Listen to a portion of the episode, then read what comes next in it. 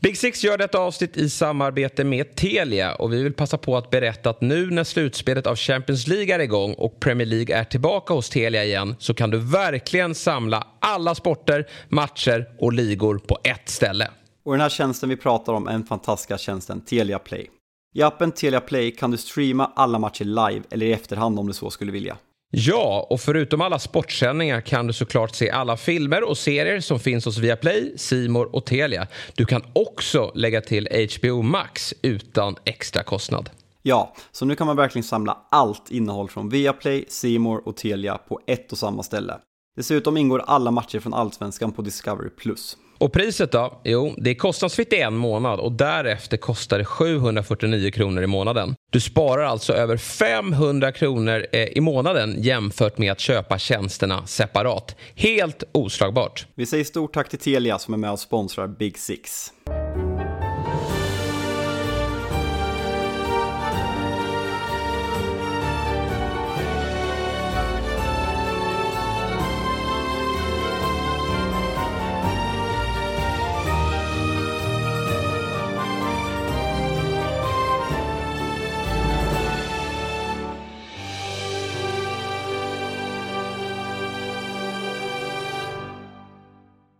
Då hälsar vi er varmt välkomna till ett nytt avsnitt av Big Six. Och det har ju blivit en tradition att vi efter eh, stormöten spelar in på slutvissla.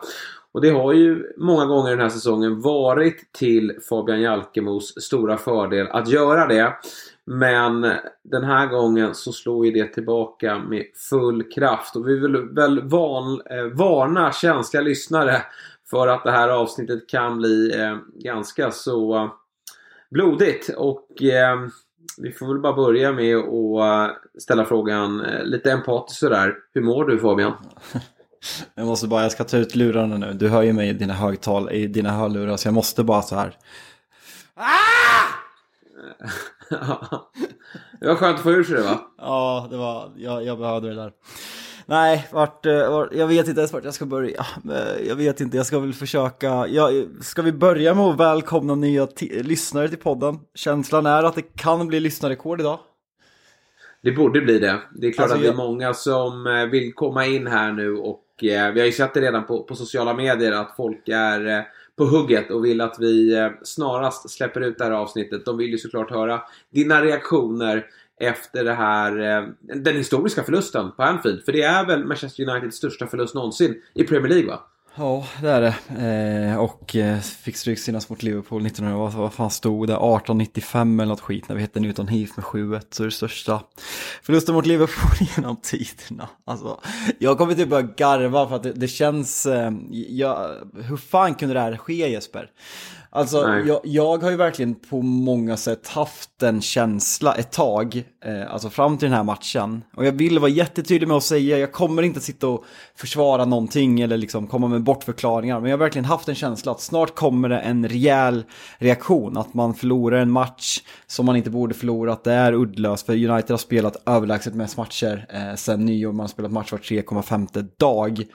Och att man förlorar här och att första halvlek är jämn, Liverpool är bättre, United är dåliga, men United skapar de bästa chanserna, ett psykologiskt mål och sen så gör man de där två snabba målen, men sen stäng matchen, köp att det vart en dag som gick åt helvete. Det, det, är aldrig acceptabelt att förlora så här, framförallt inte mot Liverpool. Det är de största rivalerna och det är det som gör det här så extremt mycket mer oacceptabelt och spelarnas beteende på plan. Alltså jag har ju pratat i den här podden senaste ja, men senaste månaderna att jag, jag har känt saker för United-spelare som jag inte känt på jättemånga år. Att det har blivit ett lag som man har lärt sig att tycka om. Men det här, den här insatsen tar tillbaka jävligt mycket. Eh, för att, att se sådana insatser av spelare och obrydda och eh, de här klassiska be om ursäkt intervjuerna efter matchen. Det är ett, man trodde att man var ifrån det, men det var man visst inte.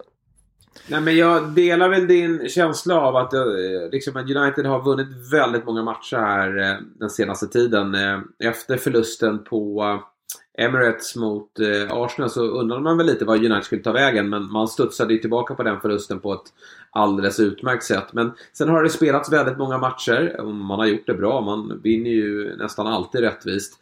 Men det är klart att det sliter och eh, det är ju väldigt svåranalyserat efter det kanske mest överraskande resultatet jag någonsin varit med om.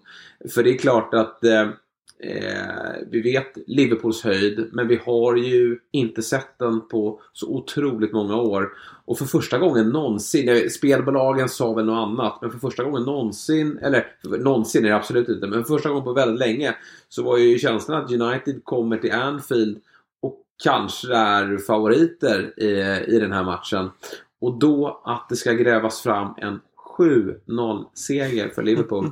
Nej men det är, det är ju, det saknar alltså jag, ju jag motstycke i fotbollsvärlden. Jag tror inte att sånt du säger så här. Alltså, jag kan inte fatta att det är 7-0. Nej, nej men alltså okej okay, eh. när United leddes av Ole Gunnar Solskär och, och, och, Liverpool var som bäst under, under Klopp. Eh, eller när, när Pep eh, drog i eh, femte växeln och, och ja, United, eh, ja men lite så här i, i, i höstas matchen mot eh, City. Där var det ju vad stod det? 6-1 där eller? Ja, det var 6-3. Eh, varit, ja, jag vet det blev. Det var ju två sena mål ja, exakt. Ja, men exakt. Det hade varit mer rättvist med 10-0. Och eh, det är väl det, alltså den här säsongen har ju varit, United har haft bra resultat, men det har väl, alltså United har överpresterat prestations, eh, poängmässigt kontra prestationerna om man ska vara helt ärlig, eh, sett över alla mm. matcher. Eh, men 7-0 eh, och eh, det är klart att det är oroväckande på jävligt många sätt. Alltså de tre bortamatcherna mot eh, de tre bästa lagen. Även om Arsenal, Arsenal-matchens resultat slätas över lite över att Marcus Rashford gör ett jävligt snyggt mål och att man leder matchen två gånger. Men Arsenal är ganska överlägsna i den sett över 90 minuter. Och sen har vi alltså 3-6 borta mot City och sen nu 0-7. jag kommer att garva mm. varje gång jag säger det. Det visar ju att det är en jävligt lång väg tillbaka och Liverpool ja, men när de får de här två snabba målen på grund av patetiskt försvarsarbete. Första målet skulle jag också kunna prata i tio minuter om vilket dåligt försvarsarbete det är. Dalot följer upp för länge, Fred fattar inte att man har spelare bakom sig, Varann säljer sig extremt och sen eh, Gakpo, vilka, vilka två snygga mål han gör. Eh, vi, ska, vi, ska hylla, vi ska hylla Liverpool också, oroligt. Ja. Det kommer, för det är verkligen en, som du säger, alltså laget gör 3-0, man får med sig arenan, det har varit bra stämning hela matchen, eh, man får med sig arenan, Eh, allt flyter, United beter sig ja, men, uselt och liksom, det här är ju verkligen rock'n'roll Liverpool som, som skärmade en hel fotbollsvärld som på något sätt var tillbaka. Eh, och eh, det, det, ska bli jävligt intressant att se dels eh, hur Liverpool svarar upp eh, på det här, hur man, hur man tar med sig den här insatsen. Eh, man möter Bournemouth i helgen eh, och sen har man eh, returmöte mot Real Madrid. Och samma sak med United, så man ska åka, eller man ska möta Betis nu. Och sen så blir schemat lite svårare, man möter bland annat Brighton, eh, Brighton på bortaplan, eh, ganska tuffa matcher som kommer upp. Så det här är fan inte lätt att ta sig vidare på, så det här eh, det, det är sju poäng mellan klubbarna. Men alltså, jag, jag, jag, jag håller United som favoriter och kommer före Liverpool i ligan, det gör jag fortfarande. Men det är mental jävla körning eh, att torska med 7-0 på Anfield kan man, kan man lugnt säga. Eh. Ja, det, det Får man ju faktiskt säga. Och eh, i, i eh, Liverpools fall så tror jag att man kände att eh, det, det, är ju den här typen av eh, insatser man har letat efter väldigt länge nu. Och jag tror man kände att när man får det här ledningsmålet man är ganska sent i, i, i första halvlek. Man kliver ut i, pratar säkert i paus om att det, vi, vi, vi, spelar väldigt bra. Och jag tycker lite som vi var inne på i förra matchen att Eh, Eh, man har satt lite, alltså man har hållit väldigt många nollor mot slutet men kanske att det har varit lite dopat av att Alisson har stått på huvudet och att det ändå har varit ganska ihåligt. Men, men sen Konate klev tillbaka här med, med van Dijk som har fått spela eh, fler matcher och, och börjar se bättre ut efter den här skadan. Så kändes det som att det, det var en annan trygghet här mot Wolves och i andra halvlek så började pressspelet att sitta. Och då med, med den segern i, i, i bagaget, kliva in här så tror jag man kände att om vi kan bygga vidare på det här spelet, ja men då vill vi nog vrida till kniven i United ordentligt om vi får chansen. Och det är ju vad Liverpool får här. För att när United då börjar känna att matchen är körd då är det inte som så att, som vissa lag ibland kan göra, att de slår av på takten.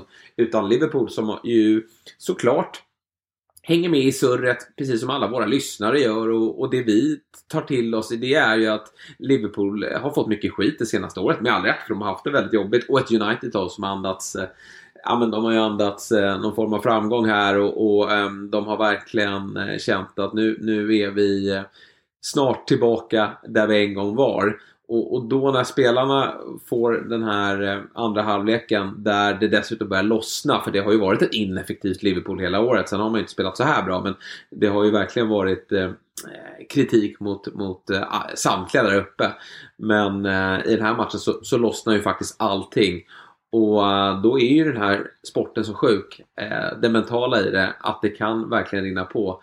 Och uh, som du är inne på, United med lite tuffare schema nu. En förlust här, alltså säga att Liverpool är inne med 2-1. Ja, men det, det hade man ju absolut kunnat ta på förhand. Men 7-0, vad gör det med laget? Nej, verkligen. Och det, det är ju något med den här, med den här jävla arenan, eh, Anfield, eh, som United inte kan hantera. Alltså Liverpool kommer in som du säger, ah, fine 4-0, men United är på en bättre plats än Liverpool in i den här matchen. Och det har alltid, alltid varit så här under min livstid att United har varit de flesta åren jävligt mycket bättre än vad Liverpool är. Men när vi kommer till den här arenan så är det som att det är något eh, de inte klarar av. Om det är att det är en liten, liten eh, tight arena eh, med lite mindre plan där Liverpools ja, men upptempospel passar och inte passar United. Jag vet inte, för i första halvlek, jag tycker man ser direkt i, först, i eh, inledningen, alltså Liverpool spelar med ett mittfält med Fabinho som har katastrofsäsong, Jordan Henderson som blir mer och mer ifrågasatt för varje gång och Harvey Elliott som ja, men inte är den, den spelaren spelaren som man var ändå innan benbrott, innan benbrottet får man väl ändå säga.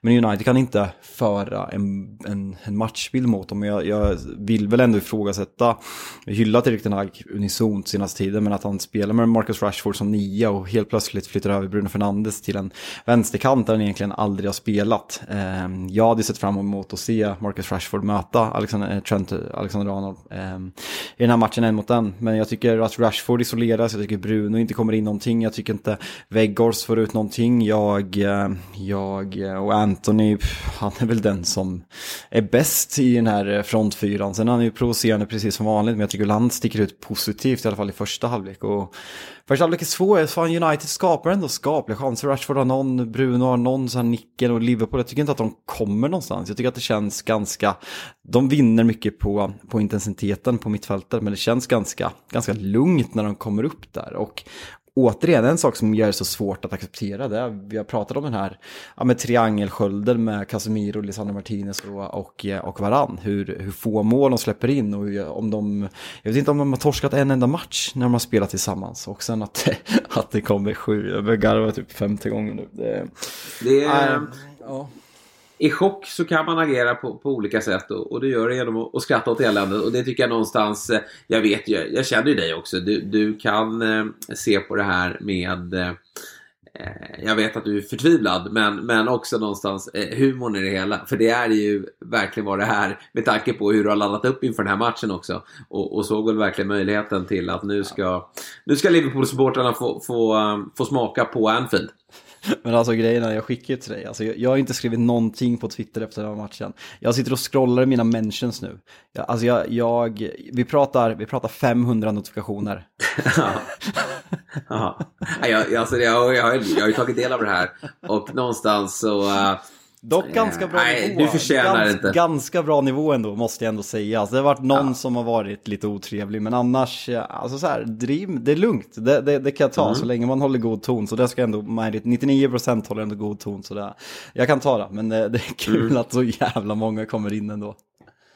Men du, Liverpool då, framåt nu då. De gör ju en eh, bra andra halvlek mot Wolves och 90 fenomenala minuter här eh, mot Manchester United. Du har ju redan sagt det tidigare, jag har inte velat köpa det, att de är favoriter till fjärdeplatsen. Nu får väl jag skriva under på det, för jag tror ju att Liverpool ryker eh, ur Champions League, även om det här någonstans också ger lite hopp kring det också. Alltså, kan de liksom, nu möter de Bournemouth som de slog med 9-0 senast. Jag menar, där räknar jag med att Liverpool på nytt vinner. Kanske inte blir 9-0 då, men, men säkerligen med, med eh, 3-4 måls marginal. Då att sen då kliva ut på, på Bernabeu Eh, Eh, det är klart att de, de kommer tro på det när de står där i spelartunneln. Men, men det, det, är lite annan typ av motstånd och jag, jag, tror att det blir väldigt svårt. Men sen är det såklart att när man bara då får fokusera på ligaspel här under hela våren med de här spelarna nu som kommer igång. Ett försvarsspel som ser bättre ut och eh, Fabinho som på, på mittfältet. Ja men nu gick du att känna igen honom. Eh, vinner boll, fördelar boll och eh, dessutom en anfallstrio där, där de inte bara ligger rätt i pressen utan att de också är farliga när de får chansen. Alltså Gakpos avslut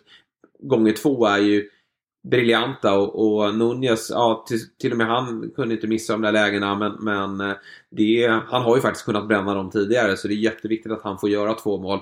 Och då tyckte man nästan lite synd om Salah där på slutet att ska han få lämna den här matchen mållös? Nej då, han fixar det och, och alla tre får eh, vara i mål Portugal. Ja, Nej, det är alltså, otroligt. Det, det, det, att, att, alla tre får göra två mål var betyder ju också massor såklart. Ja men plus att Bobby och Jota kommer in. Bobby får målet. Ja. Eh, och det, det var också jävligt, jag, jag är svårt att säga att det är fint just nu men alltså den kärleken, Bobby har ju alltså gått ut och sagt att han kommer lämna på free transfer efter säsongen. Vilket var ja, men väntat med tanke på hur mycket spelare man har man har värvat Darwin där, Jota kan spela där. Eh, och många, man ser kärleken Bobby har fått på sociala medier, att han på något sätt är, alltså Salah och van Dijk är på något sätt ansikten utåt för, för eh, alltså Liverpools storhetstid. Men Bobby har verkligen varit från första början. Att han, eh, ja, men han det är svårt att här, se det när man är mitt i det, men han kommer ju prata som, som alltså bland de större i Liverpools historia. Och eh, alltså när, när de sjunger Your, eh, när han hoppar in och sen ännu mer efter målet, det, det är jävligt fint att även fast han säger det, alltså han är inte, han är inte lastgammal liksom. Att han, Nej. Alltså, det, det, kan ju ofta bli känsligt när man lämnar på free transfer, men, men de hyllningarna, det säger ändå någonting om vilken status Bobby har och nej, men kommer, få, kommer ha resten av sitt liv på, på Anfield. Så det, det, det var ändå fint att se. Ja, men verkligen. Det har ju varit en spelare som han liksom plockades in där 2015 och, och har ju varit med tillsammans med Klopp eh, att förvandla hela klubben och eh, har ju varit bra på, på så må, olika många sätt och han har liksom varit för, symbolen för vad Klopp vill få ut av, av Liverpool. Hårt arbetande men ändå spetsig. Och eh, när det oftast har pratat, eh, om, pratats om Mané och Salah som de stora eh, liksom, matchavgörande spelarna så har ju Firmino alltid haft ett finger i spelet. Och även om det har varit lite sämre mot de, de sista säsongerna så har han ändå liksom någonstans känts viktig och, och alltid gjort ett, ett gediget arbete. Även om han hade någon, någon en, en, längre period där han till exempel inte gjorde mål på Anfield. Men det är ju inte, det är inte målen man, man kommer minnas honom för utan det är ju det här... Eh, det är kult, ja, men, en brass, brassen som, ja men verkligen brassen som alltid gav järnet och eh, visste vad, vad, vad Klopp ville ha där ute. Så att det, det känns lite... Samtidigt, ibland klagar man över att spelare blir för långvariga i en klubb. Att man inte eh, lyckas med det som Sir Alex var så skicklig på. Att man, man offrar med rätt tid. Jag tycker nog att den här timingen är ganska bra. Han har säkerligen ett bra kontrakt. Eh, har du hört någonting vad, vad, vad det ryktas om gällande honom eller? Nej, faktiskt inte. Eh, nej, ing, ing, ingenting egentligen. Det är bara att han eh, ja, men, sa att han kommer lämna säsongen. Men eh, vad, vad kan han tänkas gå? Det är svårt så här. Alltså, det krävs ju ett speciellt lag för att Bobby ska vara. För Bobby är inte den klassiska nian som gör alla mål. De nej, precis. steg ner, ner i banan. Eh, så han, eh, nej, det blir, det blir kul att se vad, hur, vad han tar för väg här framöver. Jag tror säkert att det kan vara andra Premier League-klubbar som är intresserade av honom. Så får man se hur han ställer sig till det. Men då, där, där, finns ju alltid pengarna. Han kommer ju från, från Bundesliga.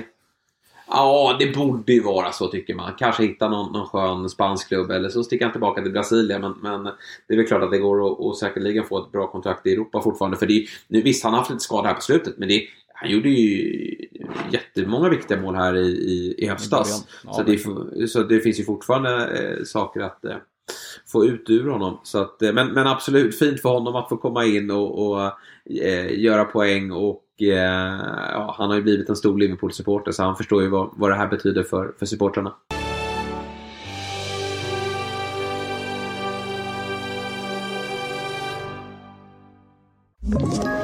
Ett poddtips från Podplay.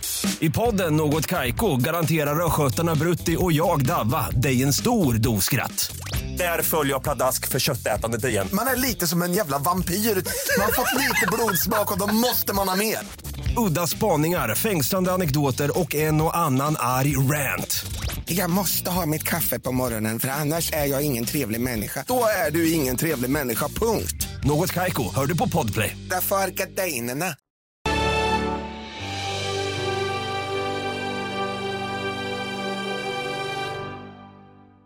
Verkligen. Jag måste bara fråga dig en sak. Vi ska ju såklart prata lite mer om matchen. Ja, så enkelt kommer kom jag väl inte undan. Men vad heter? Jag, jag LFC-podden har ju så här tävlingar där man ska tippa resultat var, varje, varje vecka. Och jag, jag brukar gå in och tippa förlust. Men den här gången gick jag in och tippade 5-0 till Liverpool.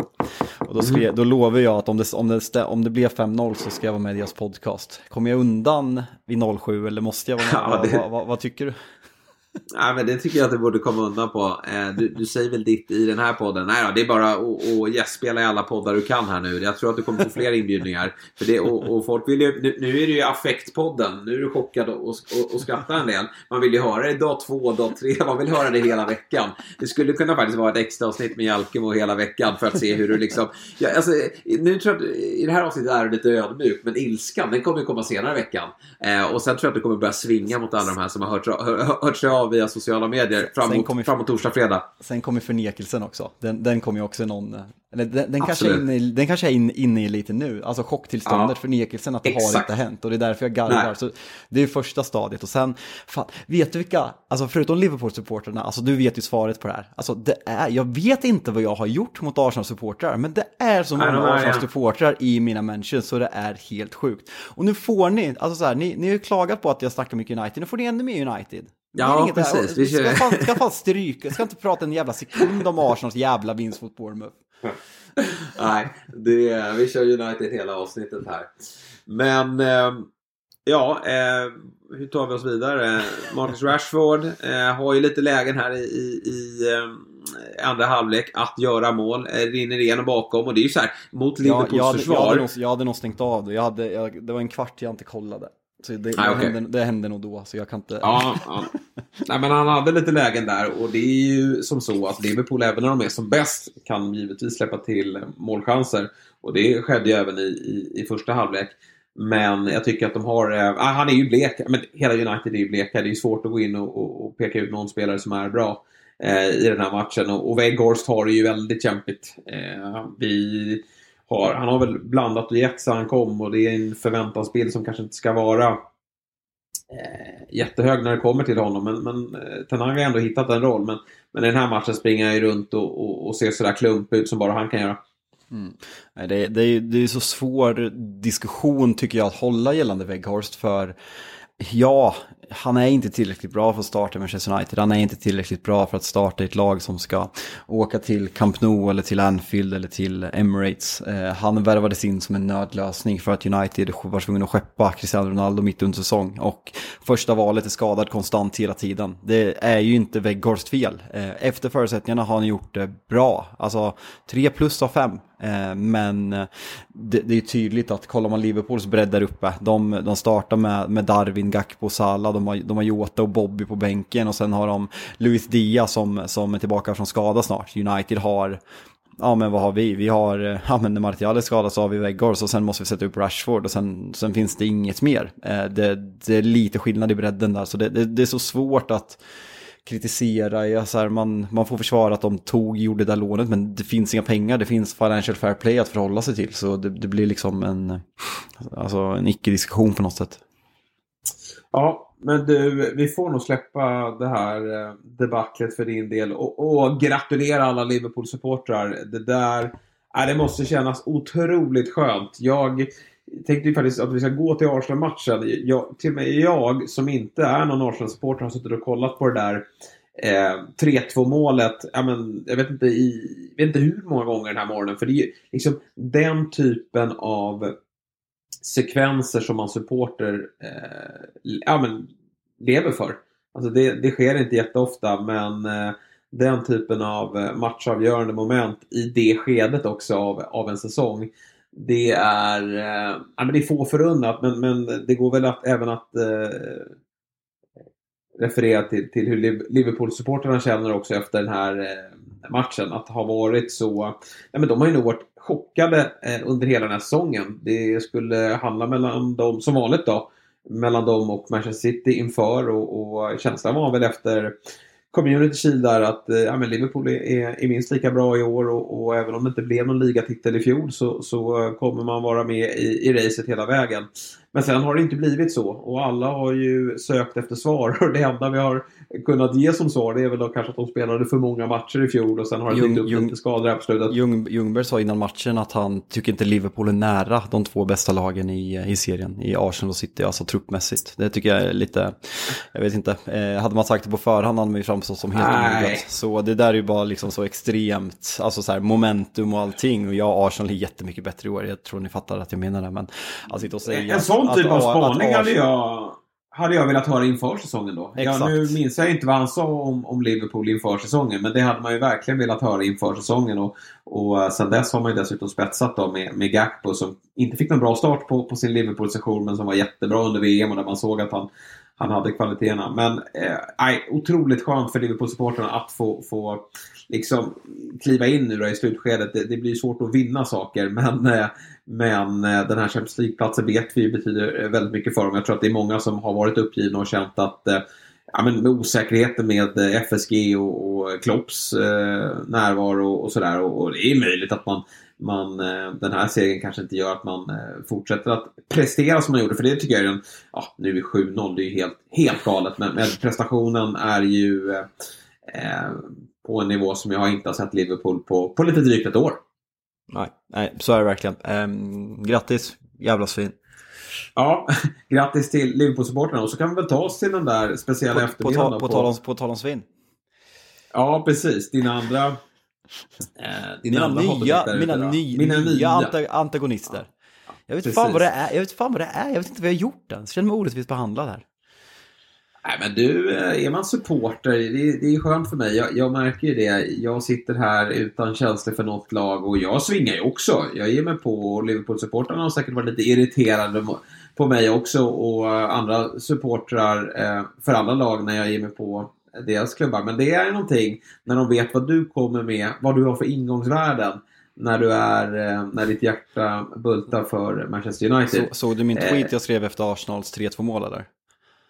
Eh, ja, men det var väl en hyllning va? Ja, men jag gjorde ju bara den så att de skulle bli glada på mig lite. Det var ju populistiskt. Ja, exakt, såklart. Ja. Men den var spot on tycker jag. Den, den, var, den visar ju verkligen på var... Jag, jag ville ju inte skriva den egentligen. Nej, men vilket, eh, hur långt man har kommit i den här klubben. Och verkligen. så får vi se om det, om, det, om det räcker hela vägen fram då till att lyfta pokalen eh, i, i slutet av säsongen det, det låter jag vara osagt fortfarande. Men eh, det är ju en eh, otrolig, eh, makalös vändning som Arsenal på nytt står för. Då. Jag tror man har vänt underlägen fem gånger den här säsongen. Mm. Nej, det är ingen slump.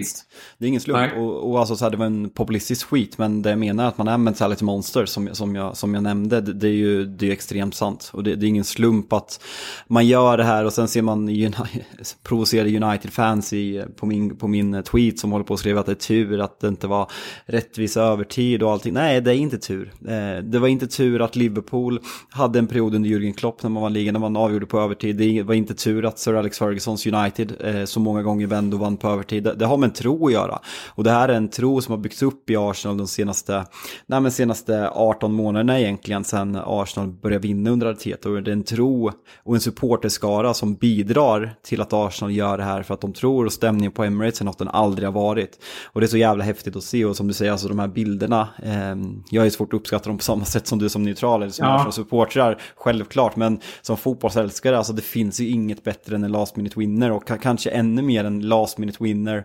hemmaplan, 97 minuten i en titelstrid med, eh, inblandat i ett lag som alla trodde skulle sluta 4-5 och som inte har vunnit ligan på 20 år. Alltså det, det har så jävla mycket. Hade City gjort det, ja det hade varit en mm, fint. Nu var det ju verkligen något, något annat. Och eh, Nej, men... om Arsenal kommer vinna ligan så kommer det här vara eh, ja, men ett, en av de scenerna man, man kommer rulla för alltid verkligen. Så, så, så är det ju.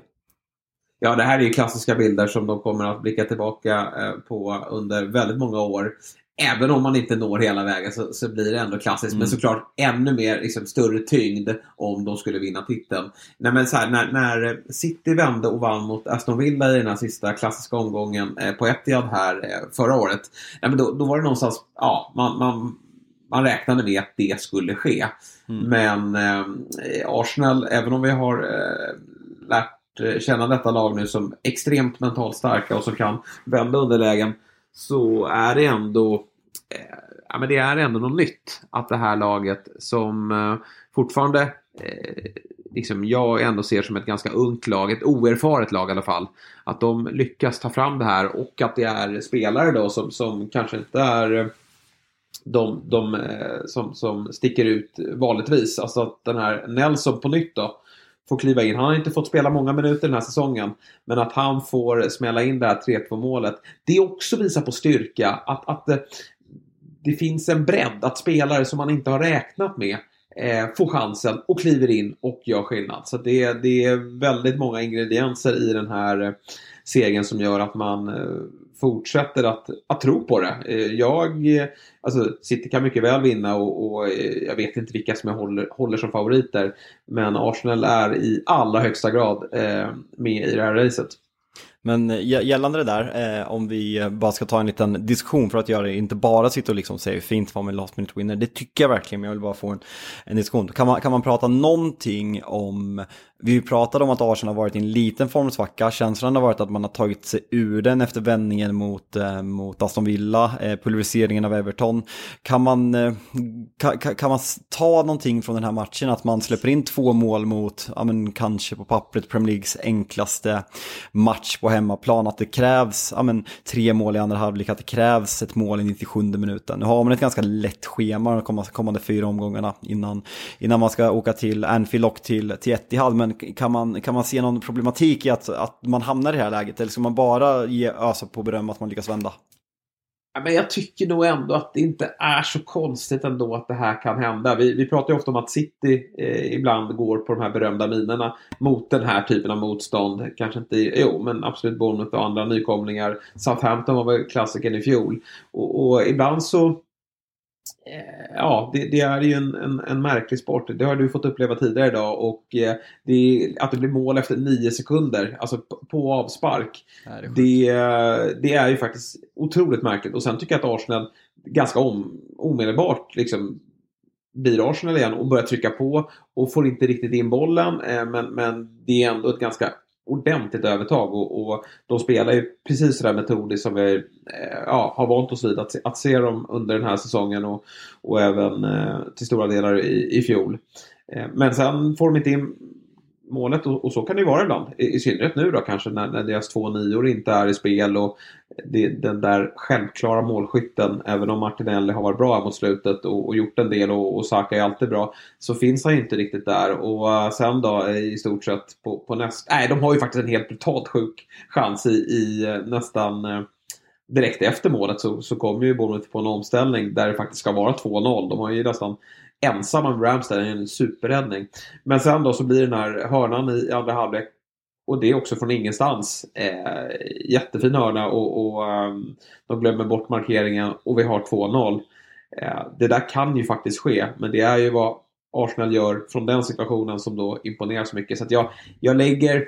Jag tyckte de var riktigt bra mot Everton. Nu har de haft ganska kort vila. Det kan bli så här ibland. Eh, trots att jag tycker att de spelar ganska bra i den här matchen så kan det bli som så att man ibland blir väldigt straffade bakåt och det tycker jag att de blir i den här eh, matchen.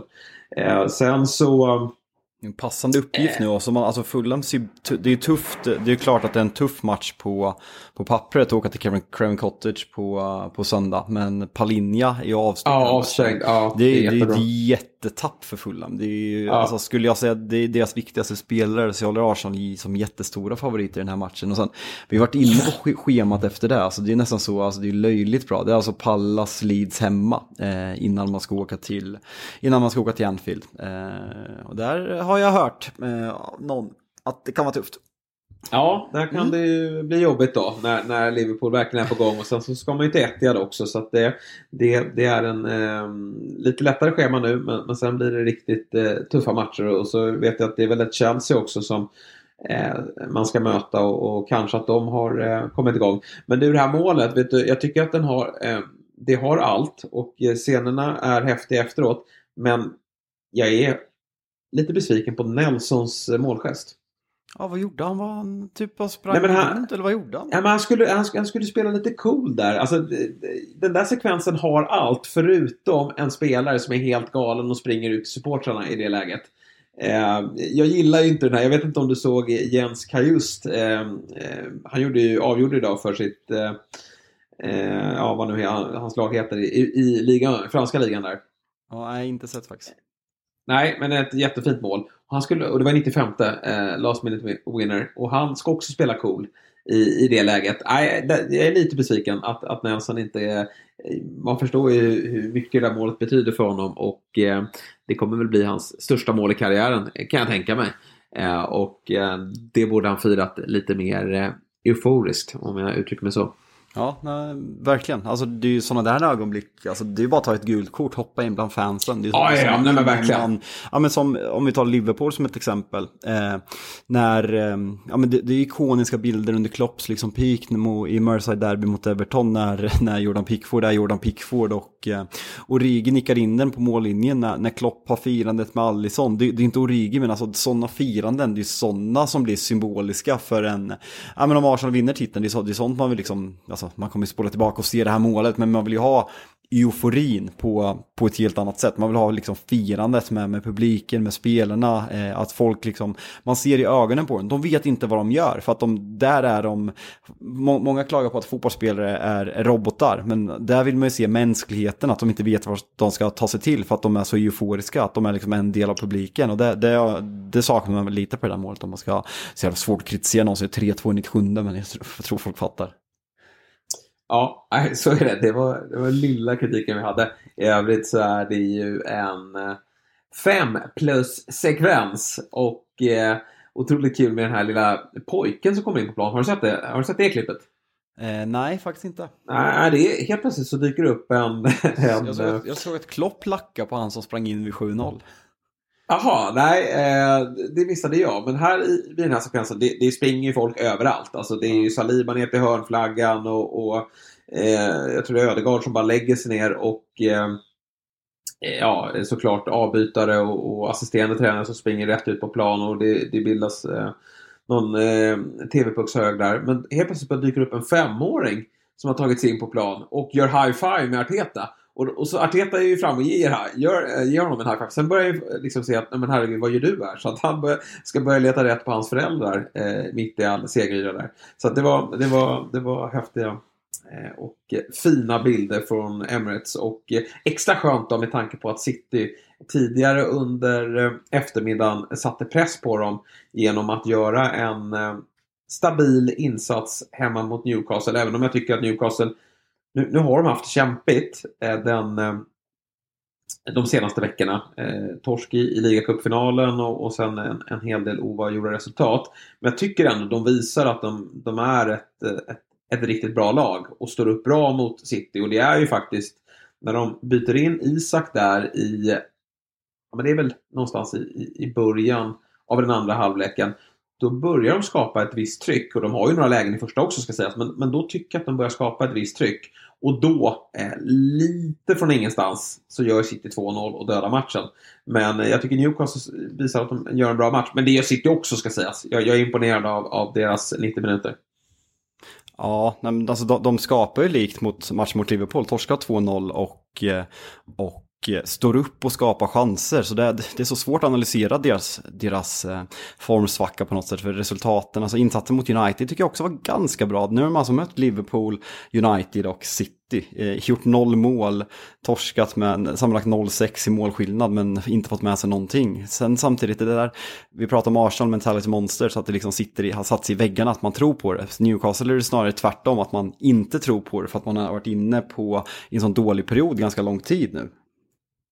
Mm. Ja, det, har, eh, det är lite kämpigt för dem. Men jag tror att de kommer hitta tillbaka på vinnarspår ganska snart och blanda sig in i den här jakten ändå. De, de, eh, de har byggstenarna här för att göra ett, eh, en, en bra avslutning på säsongen. Jag hoppas att Isak får, ja nu talar jag verkligen från, från mitt eh, svenska AIK-hjärta. Men, men jag tycker att det är hög tid faktiskt att, att spela honom mer. Wilson eh, är inte jätteimponerad här och Isak gör ett pickt inhopp. Men eh, om vi tar hemmalaget då eh, så, så, tycker jag att det är kul. Alltså här får vi också slå oss lite för bröstet gällande Phil Foden. Nu har ju han på väl, det har gått väldigt snabbt här nu på slutet men nu är han ju seglat förbi både eh, Jack Grealish och eh, eh, Mares när det kommer till att vara nummer ett som, som eh, ytterfältare, ytterforward. Och det är ju eh, det är så det ska vara.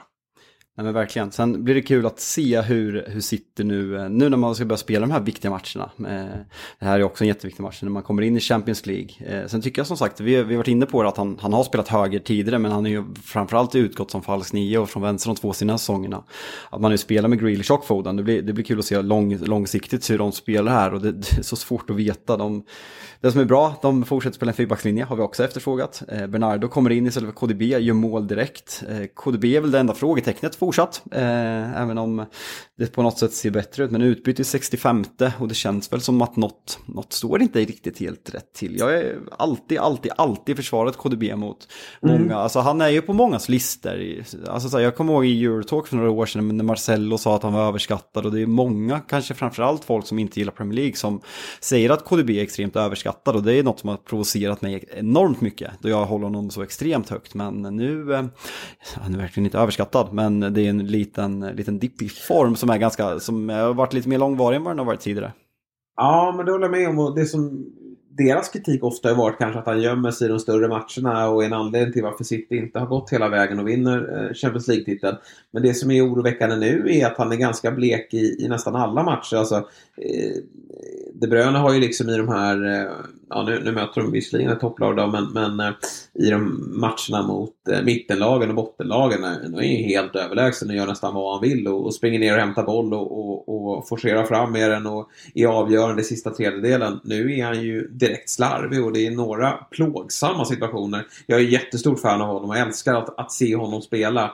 Men det, det är som att han springer runt med, med pjäxor på, på fötterna och har jätteproblem med att slå den avgörande passningen. Och, eh, han och Håland tycker jag också har lite jobbigt tillsammans och det är en stor anledning till varför eh, Håland inte är lika bra just nu heller. Det är ju för att De Bruyne inte eh, får ordning på sin, sin fot och de två eh, det är det där återigen med att de inte riktigt slår den där passningen i djupet. Det är ju Håland, alltså De Bruyne är den som han är typ den enda i City som gör det. Och när inte ens han slår den, ja, då, då får ju Håland inte många bollar att jobba på. Nu kommer ju Håland ner och möter en del och, och, och är rätt okej okay i det här läggspelet. Men, men jag tycker att ska man utnyttja honom eh, som bäst och dessutom få ut eh, ännu fler mål av honom om det är möjligt. Men, men, just nu är det ju faktiskt möjligt. Alltså, eh, det är ju inte så att han har öst in mål. Sen, sen är det ju svårt att hålla det tempot som han gjorde i, i höstas. Men lite fler bollar i djup behöver ju Citygubbarna slå. Och, och framförallt då behöver De Bruyne hitta tillbaka till formen. Men där är han lite skön, skön också, Pepp. Att, eh, han ser ju precis som alla vi på läktaren att, att eh, Kevin har ingen bra dag. Och då, då plockar han av honom och så får Bernardo kliva in och, och eh, då blir det ju 2-0 eh, ganska direkt därefter. Då. Eh, så skön seger för City, skönt för dem att få hålla nollan i, i ligan. Frustrerande och, när, de, eh, när, de, när de tar den här stabila och liksom, de får upp hoppet eh, med, med Arsenals förlust, att, de, ah, ja. Arsenal kommer tillbaka. Så det, det, är mentalt jobbigt när man känner att man har tagit in de där poängen och satt sig i förarsätet på något sätt. Men nej, stark eh, seger. Eh, vill du veta en sak Jesper? Jag, eh, jag fortsätter min, eh, spontant, det var någon som skrev att de skulle vilja ha någon som gästar podden. Så jag, jag har faktiskt löst nu under inspelningen. Jag, jag får ju en sadistisk människa som själv plågar mig själv. Men vi ska, vi ska ringa upp Robin Bylund. Ja, men vad fint. Då ja. kopplar vi in honom på en gång.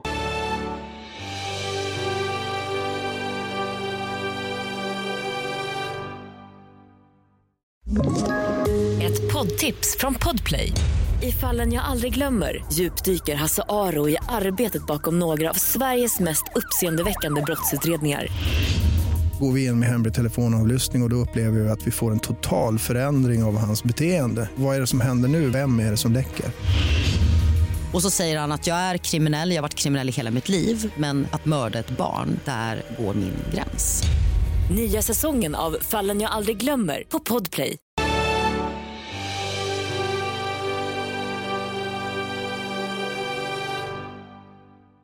Spontanitet gillar vi och eh, det är ju rätt sjukt att det kommer från dig då, eh, Jalkemo, att du vill ringa upp Robin Bylund. Men jag tycker faktiskt att det är på sin plats att vi för första gången den här säsongen ringer upp dig Robin när det är lite medvind. För eh, det är det ju minsta man kan säga att det är nu. Hur mår du? Ja, ja, alltså tack för att ni ringer först och främst. Men... Ja, ångra, äh, jag, ångra, mig, redan. Ja, du, du ångrar dig någonstans när du såg mitt flin när jag svarar här tror jag. Men, äh, men det, det är ju helt brutalt. Alltså vi, äh, vi har ju...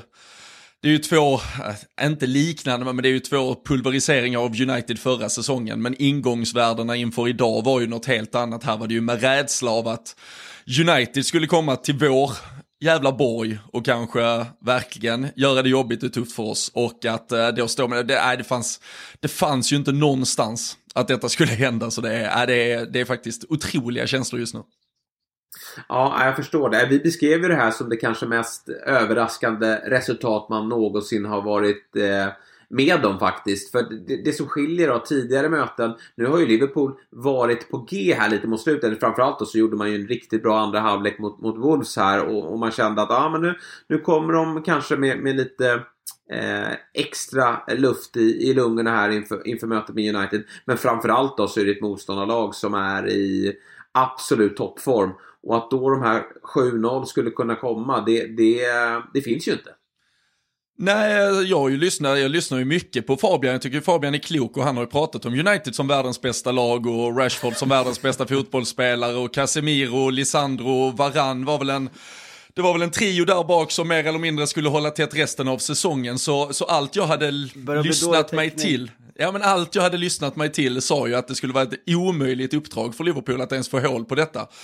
Och så de med två floppförvärv i Nunes och Gakpo och en Salah som är helt ur slag liksom. Så det, nej, det var ju tuffa förutsättningar för oss. Men eh, det, det, nej, det, alltså, det är ju det som är grejen med det. Att göra det så här. Den här säsongen kan ju sluta mer eller mindre hur som helst. Alltså Klopp adderar ju, vad den blir av detta så adderar vi ju ännu en historisk match till alltså det som ändå är Klopp är, det som är det här laget som vi kan klaga på vad de har presterat de senaste veckorna, månaderna, men nu har vi ännu en match, ett resultat, en kväll som det kommer sjungas om på Anfield för evigt. Så, så det, alltså, det är ju värt så mycket mål. Det, det, vet, jag vet att Fabian inte vill inse det nu, men han vet ju det egentligen att komma tvåa eller tre eller fyra eller fyra, alltså jo, Champions League är viktigt, men kommer vi tvåa, tre eller fyra, men Liverpool får detta, så, eh, så är det, eh, det spelar ingen roll om United skulle komma 10-15 poäng före Liverpool den här säsongen nu. Alltså bara för att svara på den frågan, alltså ligacuptiteln, det är ju liksom en symboltitel. Men alltså, nu, nu, när vi inte hade vunnit på så jävla länge, men för Liverpool, jag tror att en Liverpool vinner ju hellre mot United med 7-0 på det här sättet än att ta en ligacuptitel om vi summerar det här om fem år.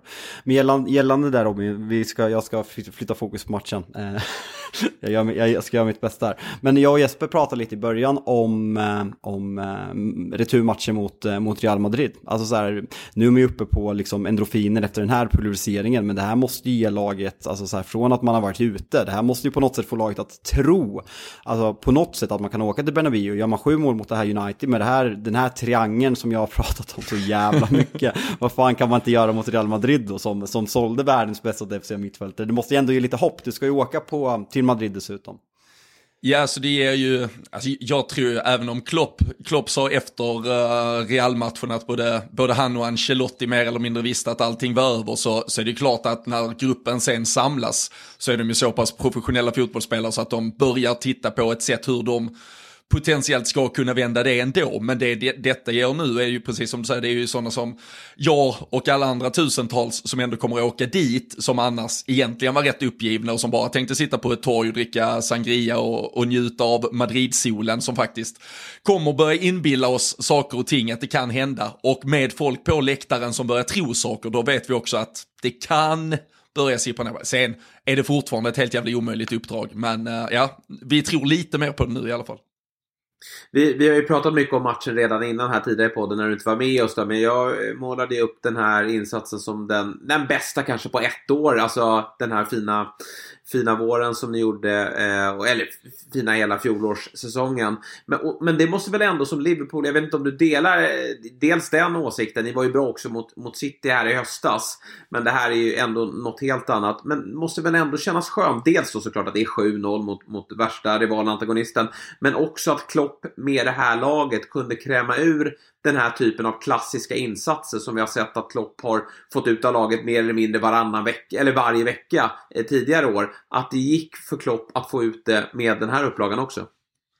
Ja, jag skulle, alltså City-matchen som du refererade, det är ju något eh, egentligen helt annat. Det är ju ett ställningskrig, ja. det är verkligen eh, två, det är ju en sluggermatch mellan två jättebra lag som tror ut lite varandra. Men det är ju vår bästa match på ganska exakt ett år sedan vi pulveriserade just United med 4-0 på Anfield i Ja, det var väl också mars förra året och där, det är ju kanske den bästa matchen, även om det bara stannar vid fyra då så var det väl kanske ja, säsongens absolut bästa match förra den, säsongen. Den var, den, den var ju, bara avbryta, den var ju på något sätt värre än 0-5 Paul Trafford, för 0-5 Paul Trafford var ju liksom maximering, här var det 4-0 och Liverpool gick på halvfart och liksom skona ja. United förra säsongen, det var det som skilde de två insatserna. Men, men för att det som, det som blir häftigt här är ju att den vinns ändå på ett lite annorlunda sätt. Alltså det är ju eh, alltså Nunes som stångar in två bollar, Gakpo som får vika in från sin vänsterkant och dunka in den första där. Det, det är ju ett sätt, det är ju inte bara då ett Liverpool som flyger i omställningsspel. Sen, sen får vi ju se tendenser av det några gånger också, uh, både som leder till mål och som, som inte gör det. Men vi, vi får ju ut vi får ju ut saker och ting av den här spelartruppen som vi har varit väldigt tveksamma till om vi skulle kunna få. Alltså med vilken roll ska Nunes ha, vilken roll ska Gakpo egentligen ha?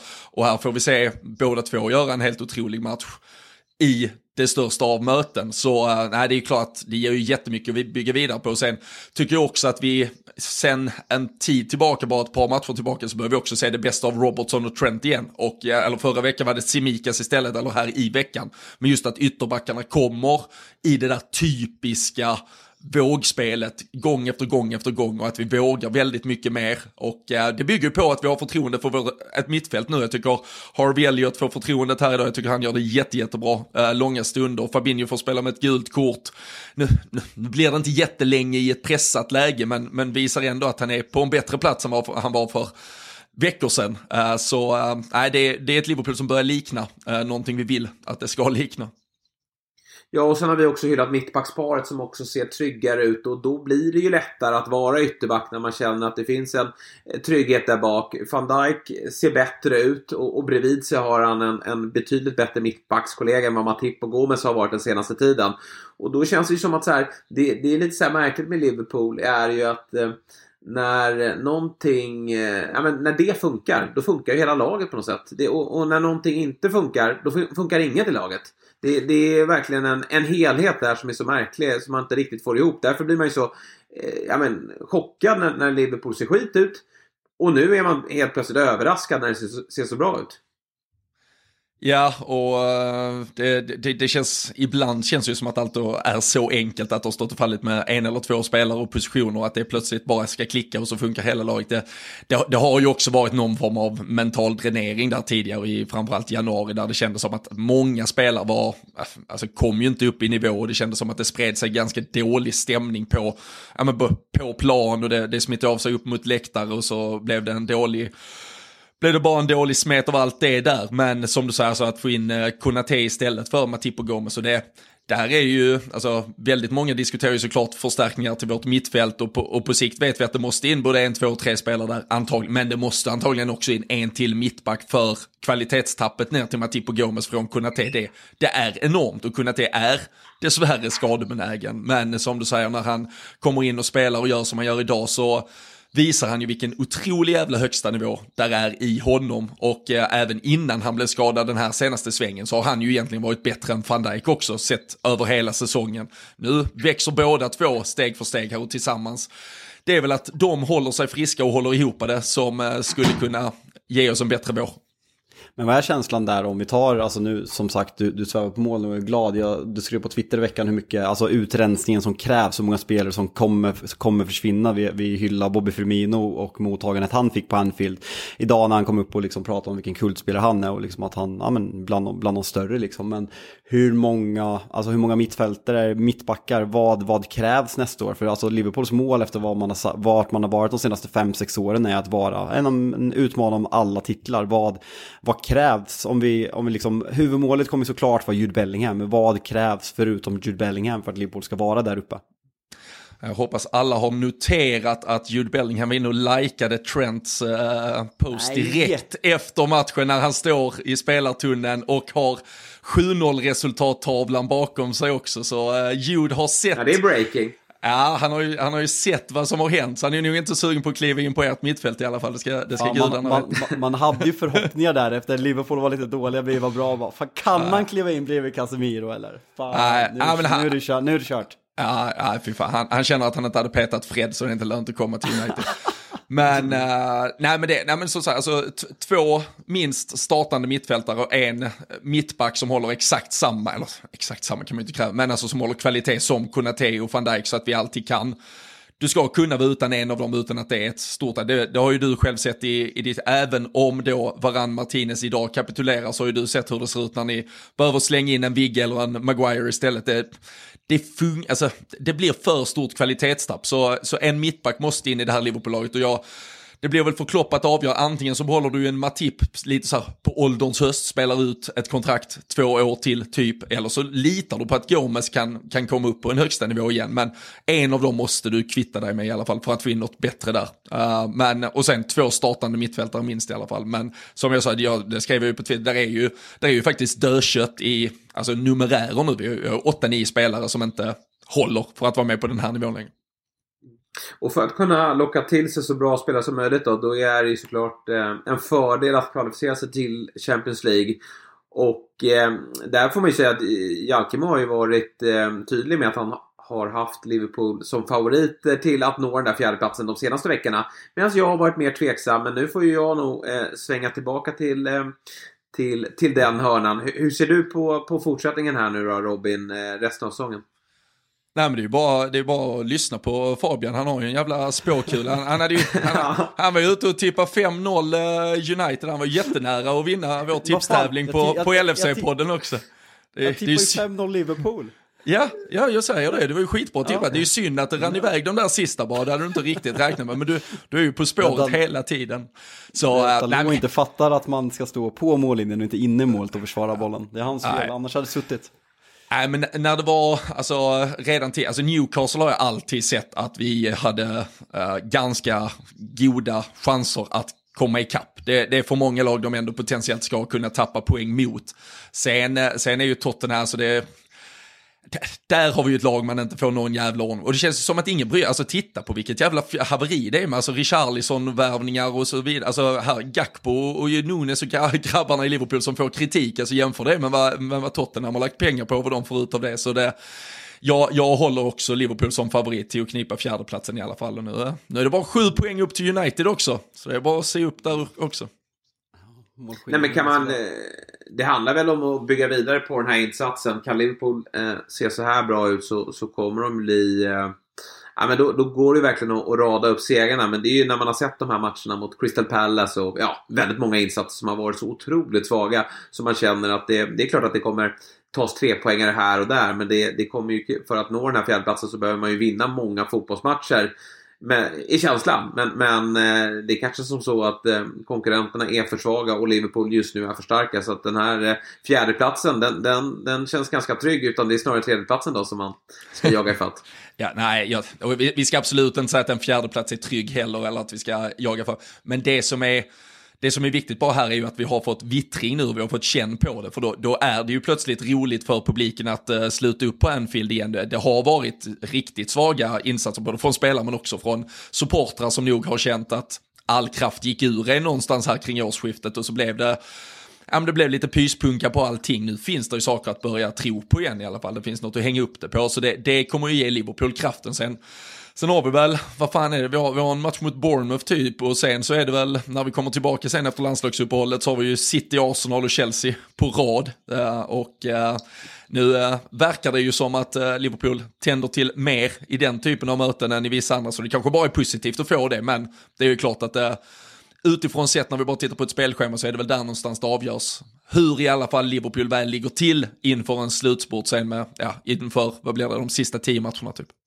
Men du Robin, eh, alltid kul att prata med dig och extra roligt nu faktiskt när det var som så att du fick prata i positiva ordalag kring eh, Liverpool. Så att eh, vi gör som så att vi på nytt då gratulerar dig till segern och så hörs vi framåt slutet av säsongen då när det närmar sig slutstrid och kanske då att ni går om United i kampen om tredjeplatsen.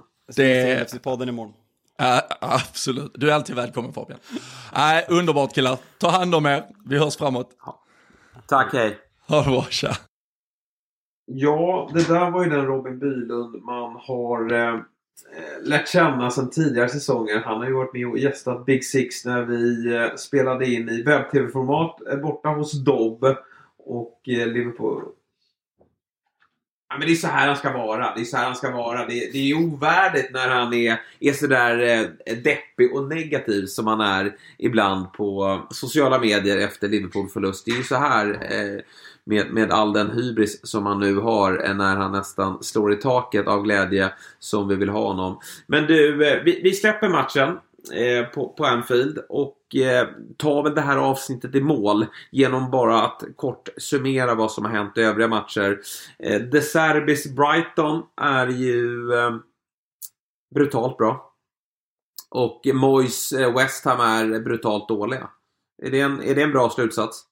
Ja, man, man, gillar ju mer att hylla Brighton än att såga Moyes. Jag är trött på att såga Moyes, men jag orkar inte se honom. Men gällande, jag, jag såg inte den här, jag har bara sett uh, extended highlights i den här matchen, men folk säger att det här är bland, ja, men bland det bästa de har sett. Uh, Brighton och att West Ham, ja men West Ham som har mött alla de bra lagen i Arsenal, de har mött United, jag ska inte nämna United bland bra lag idag.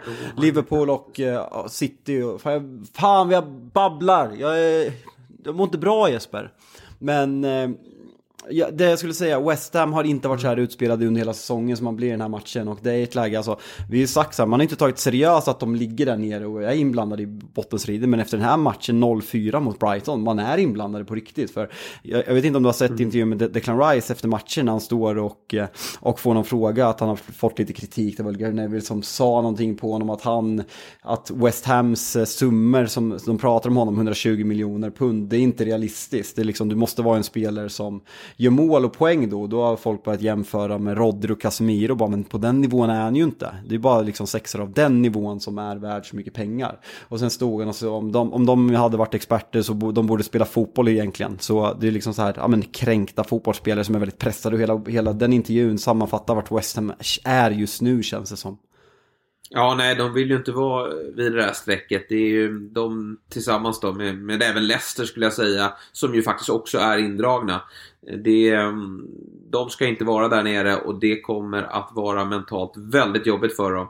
Eh, så länge som de inte radar upp de här tre poängarna. De skulle ju behöva tre raka segrar för att få lämna det där bottenträsket och kunna andas ut. Men det, det är de ganska långt ifrån. Och, och som du säger, Brighton är ju eh, men helt suveräna nu. Och eh, jag vet inte hur långt man vågar sväva iväg här. Men alltså Brighton är, står ju på 38 poäng. Och de har ju alltså tre matcher mindre spelade än alltså, Spurs de är, på fjärde de är plats. De, de är fyra. De är ju fyra om, om, om, ja, om de skulle vinna de här matcherna.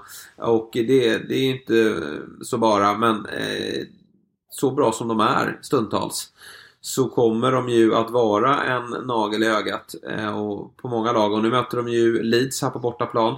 Och det Brighton som jag har sett de senaste veckorna kommer ju rulla ut Leeds Ehm, efter noter. Och, och, och, därefter är det Crystal Palace på hemmaplan. Eh, så att det är liksom, det är, jag förväntar mig 6 poäng här. Och då kommer folk börja prata om Brighton som ett utmanarlag. Nu, och då, i synnerhet när vi ser ett Spurs som inte går att lita på. De, de eh, förlorar ju varannan omgång och eh, Conte eller Stelin eller vad fan som leder det laget får ju inte ordning på det. Och vi har ett Newcastle som eh, jag tyckte gjorde en ganska bra match mot, mot City men som behöver börja vinna fotbollsmatcher innan vi, vi räknar med dem igen.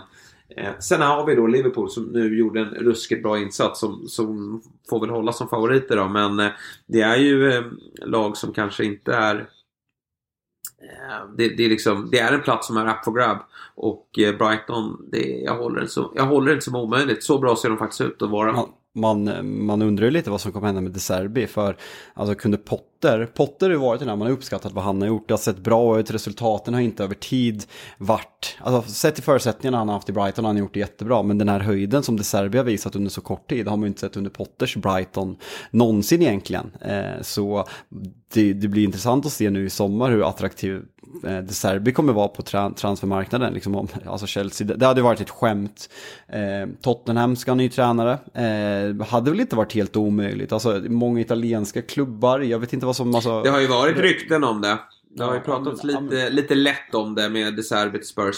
Ja, men Allegri ifrågasatt Juventus, Mourinho börjar ta mer och mer röda kort i Roma. Eh, alltså det rör sig på och det är klart att så här, jo, alltså jag vill, eller jag vill tro, men jag tror ändå inte att för en italienare att eh, Brighton eh, väger större än liksom Roma och, eh, och Juventus, men, men Spurs, alltså det, det känns ju något, fortsätter han så här så kommer Brighton få svårt att, eh, att hålla tag i honom. Eh, för det, det, är jävligt häftigt vad han gör. Eh, det, det är en, det är en, Potter spelar en rolig, eller rolig, ganska tråkig så här, un, jag vet inte om det är roligt, men den här, ja men possession, det, det såg ofta ganska trevligt ut, men man kom inte riktigt till målchanser. Det Serbi är ju mer, alltså mer rock'n'roll, det är svårt att beskriva hans tränar, tränarstil, men det är jävligt kul att kolla på. Brighton gör mer mål än vad man någonsin har gjort under Graham Potter.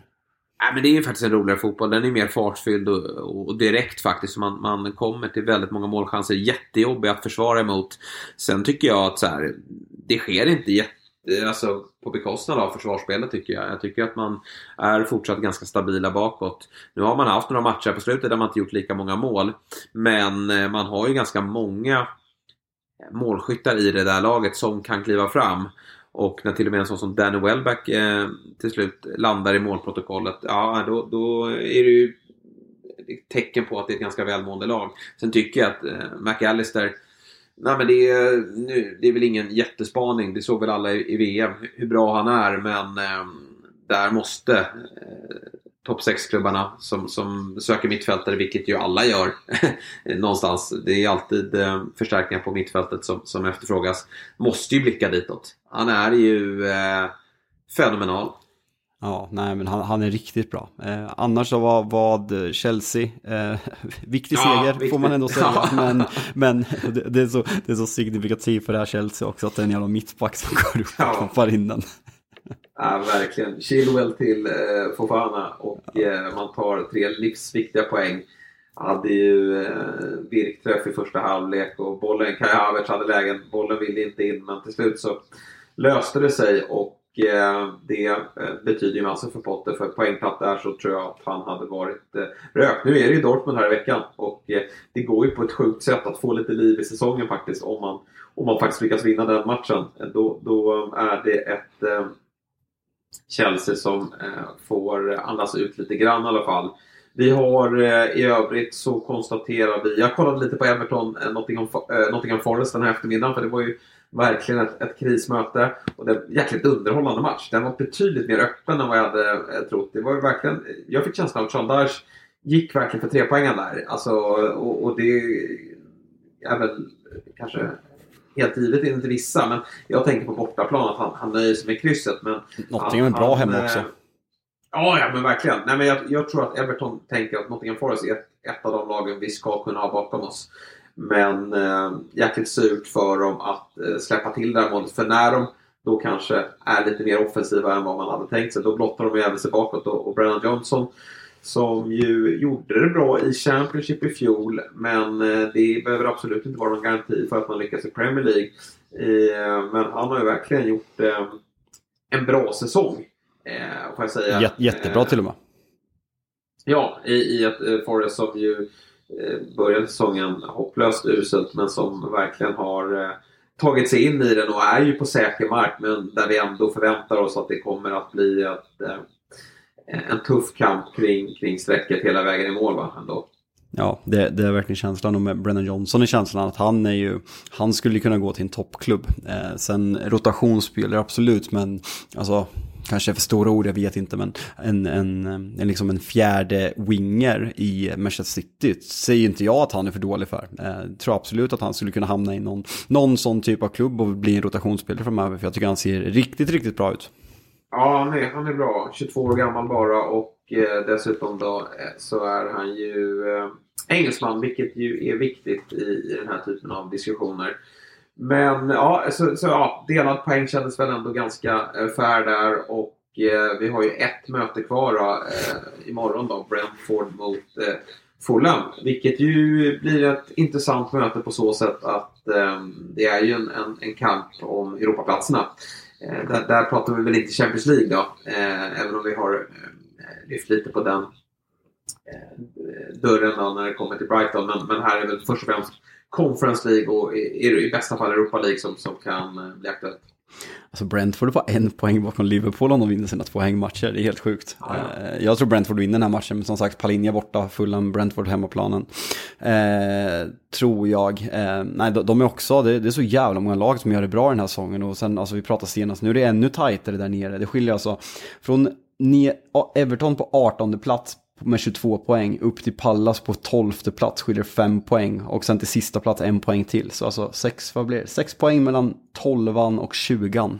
Det är sanslöst. Eh, det är ja. riktigt, eh, det är, det är som du sa sist, Aston Villa är det enda laget som, som man inte bryr sig om. De vann, ja kul för dem. Ja men precis, de är verkligen i ingenmansland och det är, det är inte första gången de är det. Det är, det är verkligen där de, de eh, oftast eh, landar.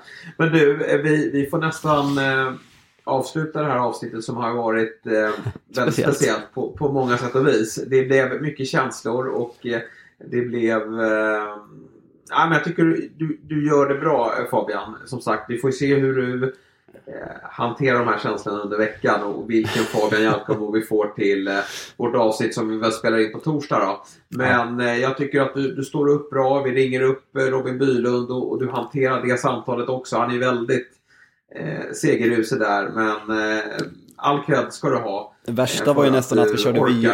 Jag ångrar att vi körde video med honom. Det var det värsta. Ja. Nej, han, eh, man såg hans leende där. Eh, han behövde inte ens... Det var kul för lyssnarna att han pratade. Men för oss som såg honom så räckte det bara att, att se, se eh, bilden av honom. Det var, det, var, det var lycka i de där ögonen. Men den där tredjeplatsen, är, är du orolig för att Liverpool kommer nu? Alltså jag, är väl, jag är väl framförallt orolig för reaktionen för Manchester United. Det är en ganska eh, tufft schema kommer men en ganska passande uppgift i veckan i helgen mot Southampton på söndag. Men Betis, eh, det är viktigt att studsa tillbaka tidigt nu. Eh, sen vilka som blir straffade för det här, hur Erik Ten Hag agerar, om det blir något straff. Han har gjort sig känd för det tidigare. Ja. Jag, jag, vet inte, men det, det, är klart man är, man sneglar ner och kollar att Brighton är bra, vi ska möta dem borta. Eh, att det kan komma en rejäl jävla bakfylla av den här matchen, för det här Nej men jag, som sagt, jag lever i förnekelse. Jag kan inte fatta att vi fick stryk med 7-0 på Anfield. Det här är inte en vanlig förlust. Så det här, det här krävs mental styrka för att vända tillbaka på och få upp den här, den här glädjen som har funnits i laget och bland supporterna tidigare. För det här kommer ta, det här kommer ta jävligt lång tid att smälta. Ja, men du för att då eh, liksom ge dig lite hopp eh, kring och, och liksom, som har visat på Uniteds styrka den här säsongen, det är ju att man har studsat tillbaka efter eh, tuffa smällar. Alltså det var ju mot Liverpool i den tredje omgången som det vände. Alltså efter eh, förlust mot Brighton i premiären och sen 4-0 mot Brentford så var det faktiskt Liverpool man slog med eh, 2-1 faktiskt. Och sen då efter att man eh, eh torskade 6-3 mot City som var ju verkligen eh, skulle bli större siffror. Då lyckades man ju också studsa tillbaka eh, mot Everton i, i, Premier League därefter. Så att det, man har ju hanterat nederlag tidigare. Och det är väl vad Ten Hag får, får jobba med här i veckan. Det mentala med spelarna. Och sen är det ju att ta nya tag då till eh, här i veckan där eh, Betis väntar och sen Southampton. Det är ju rätt skön match. Det är en skön match, men vet du vad som får det att göra, göra det lite lättare? Nej men våren är ju här, det ska ju bli 17 17,7 centimeter snö och blåsa 17 sekundmeter på tisdag. Det är, det är skitkul. Det är, jätte, det är jättekul. Det är kul. Det är den deppigaste väderprognosen jag någonsin skådat faktiskt.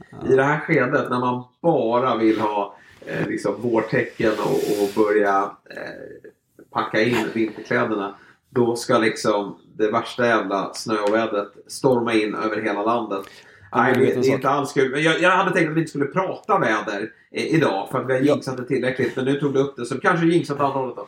Ja, men i Rom ska det vara 18 grader och sol på fredag. Så jag skiter i det pissiga jävla snövädret. Det, ja, det, ja, mm. det fick jag lite glädje ja. i slutet av avsnittet i alla fall. Det kommer säkert ja. ändras. Du får ha det bra eh, nere i Rom. Men vi hörs ju dessförinnan faktiskt. På vi hörs, torsdag. Vi hörs vi se om vi får med oss en, får med oss en, en, eh, en gäst där också. Eh, så får vi ta lite mer eh, djupare koll i de eh, övriga klubbarna. Men vi lovade ju att prata mycket Manchester United idag och det har vi eh, uppfyllt det, det kravet. Så med de orden då så tackar vi Fabian Jalkemo som har varit väldigt stark idag. Och tack till er som har lyssnat. Vi hörs på torsdag igen.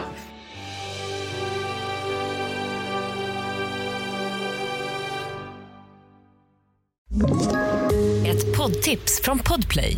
I fallen jag aldrig glömmer djupdyker Hasse Aro i arbetet bakom några av Sveriges mest uppseendeväckande brottsutredningar går vi in med hemlig telefonavlyssning och, och då upplever vi att vi får en total förändring av hans beteende. Vad är det som händer nu? Vem är det som läcker?